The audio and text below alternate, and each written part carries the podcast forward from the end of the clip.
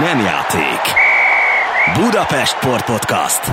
Gólok, pontok, sikerek és csalódások, adatok és üzlet, izmok és pszichológia. Aki a budapesti, a hazai és a globális sportról, sportolókról és trendekről mindent tudni akar, annak nem játék. Budapest Sport Podcast.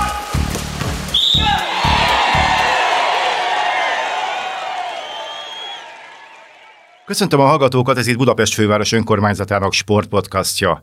Adásainkat megtalálják a Spotify mellett az énbudapesten.hu oldalon, valamint a Városházához tartozó Facebook oldalakon. Hát bevallom, nagy bajban vagyok, amikor a mostani vendégünket szeretném bemutatni, hiszen annyi mindent kellene elmondani róla, hogy a félműsoridőnk rámenne. Ha viszont egyetlen kifejezést kellene találni arra, hogy kicsoda is ő valójában, akkor alig hanem az a sport megszállottja lenne. Szeretettel köszöntöm a stúdióban Pajor Istvánt, akivel kapcsolatban egyetlen dolgot azért mégiscsak muszáj elmondani előjáróban, nevezetesen, hogy azt hiszem téged lehetetlen magázni. Annak ellenére, hogy elmúltál 83 éves, miközben amikor megkerestelek, hogy egyeztessük ennek a beszélgetésnek az időpontját, azt mondtad, hívjalak vissza néhány nap múlva, mert éppen Salzburg felé tartasz síelni. Most pedig motorral érkeztél, úgyhogy a hallgatók utólagos engedélyével tegeződni fogunk, és rögtön arra is kérlek, hogy vedd át a szerepemet így az elején, és mutasd be magad, mert én nem tudom, hogy sízőként, hegymászóként, teniszezőként, futóként, esetleg újságíróként, vagy egyszerűen csak Pista bácsiként köszöntselek, akitől talán most megtudjuk, hogy mi a hosszú életitka. Amikor iskolákba ilyen életmód előadásokat szoktam tartani, akkor három fontos dolgot emeltem ki, ami úgy gondolom meghatározó az élet szempontjából. Az első az, hogy véleményem szerint, és sokak véleménye szerint fontos, hogy egy meghatározó kapcsolatban legyen az ember a mindenhatóval. Második nagyon fontos dolognak tartom azt, hogy hogy egy sportos, mozgásos életmódot határozzunk meg az életpályának, és a harmadik véleményem szerint, amit az ember leggyakrabban csinál a levegővétel után, az a táplálkozás. Elmondtad az életfilozófiádat, de arra nem válaszoltál, hogy tulajdonképpen ki is vagy te? Egy síző vagy, egy síoktató, egy hegymászó, egy teniszező, egy futó, egy újságíró? Mi az eredeti szakmád? Én nem is tudom. Hát én nem restelem azt, hogy valamikor nagyon rossz tanuló voltam, elmentem szakmát tanulni, és egy géplakatos szakmával kezdtem az életemet, mert jól szereltem a biciklit, és azt hittem, hogy, hogy ez az, ami még viszonylag a legközelebb áll hozzám.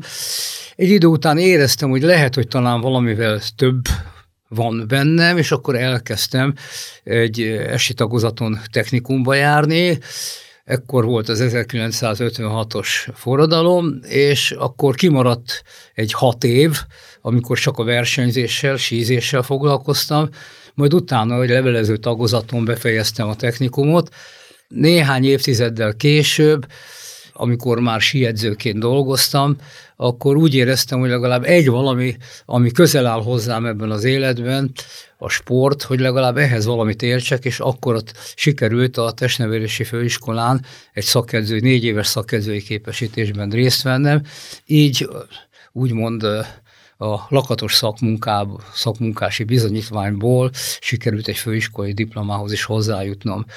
Ami fontosnak tartok, és eddig még erről nem tettem említést, az, hogy az embernek mindig legyenek céljai ezek a célok lehetnek változók. Hát nyilván, amikor aktív versenyzőként éltem az életemet, akkor nyilván arra fókuszáltam, hogy a versenyeken a képességeimnek képességeimhez mérten igyekezzek jól szerepelni. Akkor kezdjük a sízéssel. Ugye ez többször említetted, hogy a sok sportos területet közül talán ez az, ami leginkább kiemelendő. Azt el kell mondanunk, ugye, hogy ötször nyertél egyéni országos bajnokságot északi összetetben. Azoknak a hallgatóknak mondom, akik esetleg nem tudják, hogy az északi összetet a síúrásból és sífutásból áll. Majd 1976 és 1979 között te voltál a síúró válogatott szövetségi kapitánya. Azt mondom nekem, hogy egy fiatal embernek, aki Budapesten él, ahol azért már akkoriban sem esett olyan túl gyakran a hó, meg nincsenek olyan magas hegyek. Hogy jut eszébe az, hogy egy síugrással vagy sífutással kezdjen el foglalkozni? Miért nem focista, miért nem vízilabdázó, miért nem pingpongozó lettél? Válaszom roppant könnyű, én föllaktam a Széchenyi hegyen. Sokan laktak ott. Ha hiszik, ha nem, abban az időben, amikor én aktív versenyző voltam, akkor ez nem volt ritka, hogy egy szezonban 90 havas napunk volt fönt a Normafa környékén.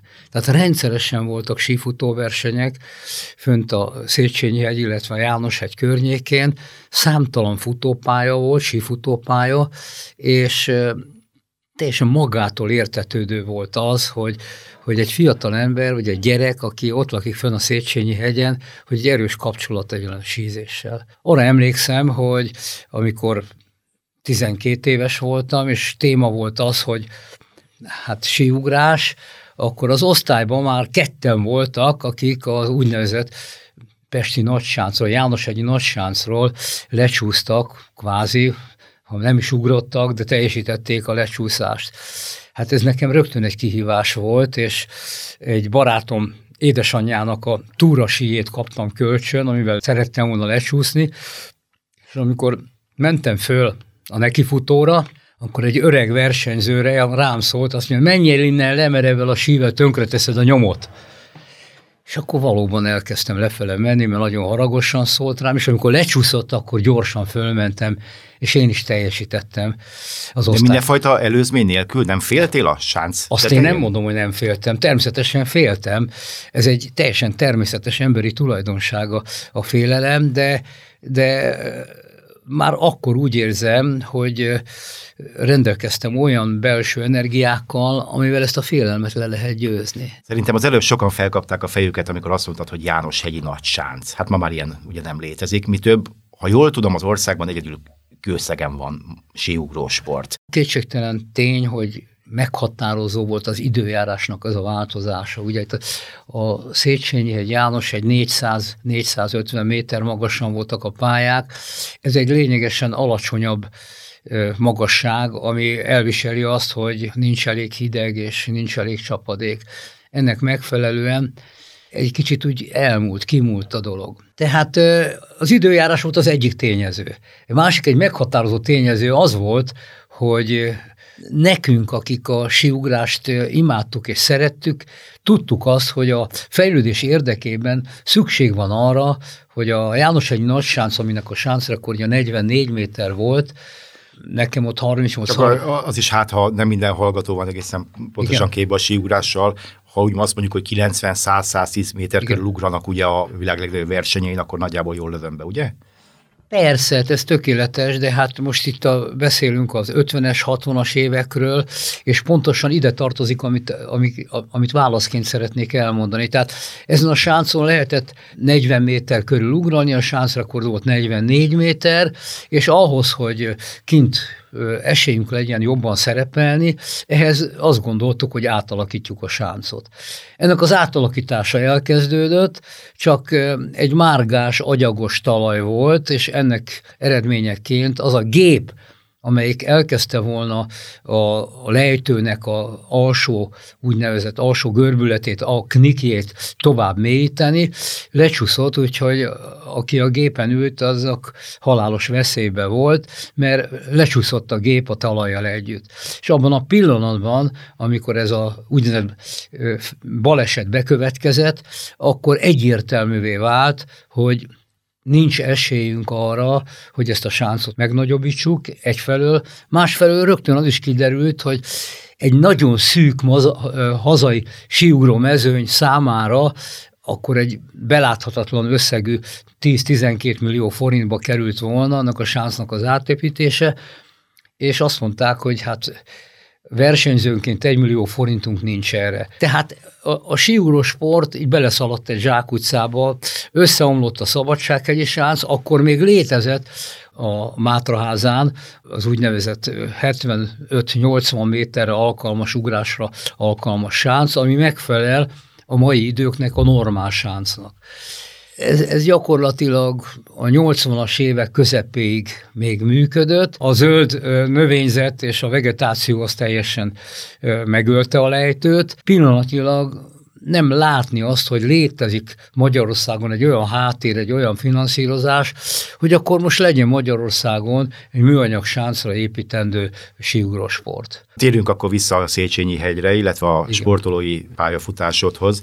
Hát Magyarország már akkor sem volt sí nagyhatalom, különösen nem síugró nagyhatalom, te viszont jártad nyilván a nemzetközi versenyeket, meg aztán később kapitány is lettél még hozzá. A, azt hiszem, hogy a síugró sport legsikeresebb időszakában nyilván akkor sem a magyarok nyerték a négy sánc versenyeket, de azért az én emlékeimben is él, aztán még Vitár Robert közvetítésében rendszeresen a televízióban is láthattunk síugró versenyeket, ahol Gellér Gábor, Fischer László egészen szép eredményeket ért el. Te hogy emlékszel vissza erre az időre? Jól esik hallani, amit mondsz, mert valóban nem sokkal azután, hogy az aktív versenyzői pályafutásomat befejeztem, megtaláltak, pontosabban a Honvéd Sportegyesület megtalált engem azzal, hogy van egy siúró szakosztály, és szükség lenne edzőre. Addig a Sudár Tamás volt a Honvéd siúró szakosztályának az edzője, és Sudár Tamás különböző egyéb okokra, dolgokra hivatkozva abba hagyta az edzői munkáját, és 1972-ben a Honvéd Sportegyesület vezetősége megtalált engem azzal, hogy vállaljam el. Én akkor elkezdtem kutatni az atlétáknál, az ugróképességfejlesztéset, a magasságemelkedés vonatkozásában, és sok olyan módszert sikerült alkalmaznom, amivel az akkori nemzetközi síugró mezőnyben egy meglepő eredményt sikerült teljesíteni. Pontosan a, a két név, a, a Gellér Gáborral és a Fischer Lacival sikerült nagyon jó eredményeket elérnem. Amikor átvettem a Honvéd Sportegyesület edzői munkáját, akkor abban az évben a legjobb versenyzőm negyedik lett az országos bajnokságon, amikor 79-ben különböző okok miatt felmentettek a, a, a beosztásomból, az edzői munkából, akkor a magyar rangsornak az első hatugrója a honvédes volt. Gellér Gábor 1978-ban, amikor nem engedtek minket indulni a világbajnokságon, de megengedték, hogy kimenjünk Laktiba, akkor a nagysáncos világbajnokság, ami vasárnap volt, az azt követő napján Kóvalába, egy hétfői napon, ahol a résztvevők között hat olyan ugró volt, aki előző nap benne volt a világbajnokság tíz indulója közül. Ezen a versenyen a Gellér Gábor ugrott a harmadik leghosszabbat. Tehát ott sorba jöttek az edzők gratulálni, mert nem értették, hogy akkor miért nem indultunk a világbajnokságon. Hát mondhattam volna, hogy Lokmajer úr annak idején úgy döntött, hogy mi még nem vagyunk erre alkalmasak. De hát te nem csak lefelé haladtál a hegyről, hanem a hegyre fölfelé is elég gyakran mentél. Hát mi több 1990-ben tagja voltál az első sikeres magyar Himalája expedíciónak, oxigén palack nélkül 52 évesen, ami magyar korrekord mostanáig. Ezen kívül 20 éven keresztül egy-egy 8000-es, 7000-es, 4-6000-es, 8-5000-es csúcsra mentél fel. Köszönöm. Hogy jött ez a hagymászás? Köszönöm az emlékeztetőt, ez a mai napig is egy, egy csodálatos dolog az életemben. Én akkor a fővárosi távfűtőműveknél dolgoztam, műszaki vezetőként.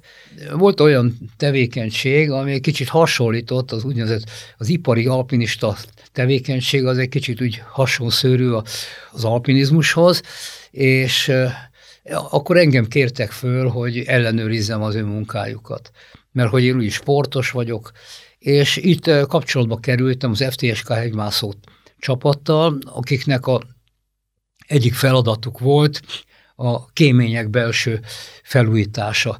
Hát én rögtön úgy kezdtem itt a, a munkámat, hogy megkérdeztem, hogy hogy kell beereszkedni kötélen a kéménybe, és akkor beereszkedtem, és úgy megnéztem, hogy az, amit ők csinálnak, felület felújításként, azt megfelelően csinálják-e.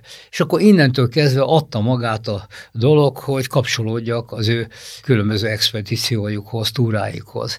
Tehát ez volt a rajt, hogy gyakorlatilag, mint műszaki vezető, műszaki ellenőr, kapcsolatba kerültem a, az alpinizmussal. Ez a kémények még elég távol esnek a Himalájától. Egy 60 méteres kéménybe beleereszkedni úgy, hogy előtte semmilyen gyakorlatod nincsen, azért az egy izgalmas feladat. Már maga az, hogy a 60 méteres kéményre kívülről létrán fölmászol. Nem mondom, hogy extra teljesítmény, de azért oda kell figyelni, hogy a kémény oldalán, a létrán baleset nélkül tudja fölküzdeni magadat. Mihez kell nagyobb bátorság? Lejönni egy nagy sísáncról, vagy fölmenni egy nagy hegyre? A kérdés izgalmas, meglehetősen nehéz a körtét az almával összehasonlítani. A síugró sánchoz azt tudni kell, hogy amikor a nekifutó tetején belép, beugrik az ugró, akkor onnantól kezdve nem azon gondolkozik, hogy hogy tud fékezni, hogy tudja kicsit könnyíteni, hanem akkor pont arra kell gondolni, hogy minél gyorsabban menjen azért, hogy egy nagyobb elugró sebességgel több esélye legyen a lejtő közepére érkezni, mert van egy úgynevezett lejtőnek egy parabolája, és a, a síúra röppájának egy parabolája, és a kettő belsési szöge kicsi legyen. Hogyha rövidet ugrik, akkor nagy az ütközés, és az baleset veszélyes. Egy síugrósáncnak a neki futójának nem lehet fékezni, ott éppen arra kell törekedni, hogy minél gyorsabban menjél. A hegyre való felmenet az folyamatosan egy, egy veszély sorozatot tud, főleg nem is annyira talán a felmenet, hanem sokszor a lejövetel. Tehát például én tökéletesen emlékszem arra, hogy Hát most, ha egy nagyot ugrunk hirtelen, hogy a csójó 8201 méteres, persze addig, amíg az ember feljut oda, azért sok minden kell. Az volt a legnagyobb? Az volt, igen. 8201 méter magas, a hatodik legmagasabb a Földön, és akkor én 52 éves voltam. Azért bevezetőként azt el kell mondani, hogy 63 napig voltunk Ferihegytől Ferihegyig távol, 30 napot voltam 5700 méter magasságban, vagy a fölött, ezek mind nagyon-nagyon komoly kihívást jelentettek. Visszatérve az első utamra, ami a Kaukázusba, az Elbruszra vezetett, arra emlékszem, hogy fél háromkor indultunk, éjjel, és hát nekem ott volt a sífutó hátterem, tehát én úgymond volt egy olyan hátszelem, hogy nagyon jól tudtam haladni, tehát jól tudtam aklimatizálódni. Ami nagyon fontos, mert tudni kell, hogy 5200 méteren az oxigén parciális nyomása, vagyis az oxigén felvétel lehetősége 50% a tengerszintének. Ami azt jelenti, hogy kétszer veszel levegőt, az annyi, mintha egy lenne, de még ez így nem arányos teljesen. Én akkor azt vettem észre, hogy én megyek, a többiek meg sokkal jobban lemaradnak. És hát az történt, hogy az Elbrus csúcsára gyakorlatilag a 14 fős csapatból messze elsőnek értem föl, ami nem versenysport, de azért valamit mégiscsak jelent. És emlékszem, hogy amikor fölírtam a csúcsra, hárman voltunk a csúcson, egy instruktor, aki a, a csapatvezető volt, és Lenin egy szobor formájába. Így hárman voltunk a csúcson. Visszafele érkeztem le a Hágóba 5665-ről 5002-re, és ott találkoztam először a csapattal. Tehát rögtön így, így indult a, az, ez volt az életem első jelentősebb expedíciója, és az rögtön egy ilyen sikerrel zárult. Tőlem meglehetősen távol állnak az ilyenfajta megpróbáltatások, egyáltalán ez jó szó. Számodra mit jelent a hegymászás? Ez egy bátorságpróba, egy kihívás, egy bizonyítása valaminek annak, hogy, hogy lényegében bármit meg tudok csinálni, amit eltervezek. Hogyan tudnád ezt megfogalmazni? Szokták kérdezni azt, hogy hogy miért, és akkor erre volt a klasszikus válasz, mert ott van. Igen. Én merőben máshogy fogalmazom ezt a választ a te kérdésedre. Hát az élet tele van kihívásokkal egyfelől, másfelől, ha megkérdezik, hogy miért élsz, vagy mi az, ami jó az életben, akkor azt hiszem az első válaszom az, hogy legyen sikerélményed. Tehát egy, egy háziasszonynak, hogyha ha jót főzött, és a vendégek meg vannak elégedve, az egy sikerélmény. Ha gyalog innen Zugligetből a libegő alatt fölmész a Jánoshegyre, és utána fölmész a kilátóba, és ott körülnézel, akkor az egy hatalmas sikerélmény. Most abban az esetben, ha az nem 500 méter, hanem mondjuk több ezer méter, egy 5000-es, egy 6000-es, vagy ne talán ennél még több, akkor érthető módon szinte exponenciálisan növekszik az a sikerélmény, ami meghatározza az embernek a boldogság érzését. Én azt gondolom, hogy ahányszor nekem sikerült följutnom egy csúcsra és onnan körülnézni, az valami olyan élmény volt, mondjuk ezt a 8000-esnek a teljesítése, mint egy olimpiai aranyérem. És ezeknek a sikerélményeknek távlati hatásai is vannak? Magyarul a mai napig ez benned él? A mai életedhez is hozzátesz az, amit 30-40 évvel ezelőtt véghez vittél? Hát egy divatos válasz, hogy abszolút. Én inkább akkor mégsem ezt fogalmazom, hogy igen. Annyira bennem él, hogy meggyőződésem, hogy az életem hátralévő szakaszára meghatározó volt. Ugyanis abban a pillanatban, amikor az ember tudja azt, hogy egy ilyen kihívást teljesíteni tudott 52 évesen, amikor a többiek lényegesen lassabban közlekedtek hozzám képest, akkor abból úgy táplálkozik az ember, hogyha ezt meg tudtam oldani, akkor, akkor ezt is meg tudom oldani, meg ezt is. Hát 63 évesen kezdtem el motorozni, 63-64 évesen szereztem snowboard oktatói vizsgát. Tehát van egy alpin bordom, amit még mindig használok, nem sokkal remélem idén is föl tudom venni a lábamra. Nem jellemző, emlékszem, hogy tudom én, 65 évesen indultam a bajnokságon, és akkor nézték, hogy ez az öreg ember egy ilyen senior bajnokság, vagy amatőr snowboard bajnokságon, Kreisbergen, és egyszerűen nem értették, hogy én mit keresek ott a rajtnál. És amikor a, ö, szűkítették a mezőnyt a második sorozatra, és megint ott voltam, akkor már úgy megszólítgattak. Tehát én azt gondolom, hogy ennek az előzménynek, hogy én jártam egy, meg kettő, meg hát itt azért hozzá kell tennem, hogy 46 évesen kezdtem el, ami még eddig nem került szóba, tehát 46 éves voltam, amikor, amikor az Elbrusra fölítottam, és ezt követően sikerült begyűjtenem azt, amit már bevezetőként elmondtad, hogy 8000-es, egy 7000-es, 63 évesen voltam az Akonkaguán, csípőprotézis birtokában. Szoktam mondani, hogy hát csípőprotézis sem nagyon cipeltek még 7000-re. Tehát e, e, ez is egy, egy, egy úgymond egy teljesítmény. Azért nem mindegy, mert Fölfele nem voltak nehézségek a speciál csípőprotézissel, lefele már annál inkább érzékenyebb volt. De hát nem csak sízéssel, meg hegymászással foglalkoztál hosszú életed során, hanem a tudtam a mai napig teniszezel, futsz, meg még mit csinálsz. És egyáltalán hogy telik egy napod? Induljunk ki a mai napból.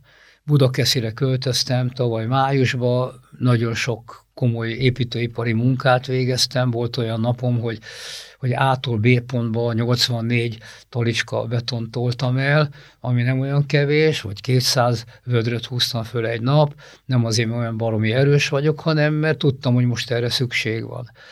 Én ezt a szenior sportot eltérően a többi szenior sportolótól nem úgy fogom föl, hogy na, egy kicsit mozgok, hogy tudjak ebédelni vagy vacsorázni, hanem én ezt egy picit edzésszerűen végzem a mai napig is. Tehát most, amikor mi befejezzük ezt a beszélgetést, akkor megyek a vasasra, és a kondicionáló teremben van egy egyórás feladatom, amit el kell végezni. Annak ellenére, hogy tegnap két órát voltam teniszpályán, hétfőn egy órát voltam teniszpályán, és este még egy komoly evezés ergométer edzést végeztem. Tehát és futsz is naponta? Az, amit felsoroltál, hogy ezt, meg ezt, meg ezt, meg ezt csinálom, ez, ez, ez úgy működik, hogy egy picit ilyen színesre formálom az edzésemet. Tehát azt kell mondjam, hogy hogyha minden rendben van, és éppen nem vagyok egy műtőasztalon, ami elmúlt évben többször előfordult sajnos, akkor egy, egy héten kétszer futok, kétszer evezős ergométer,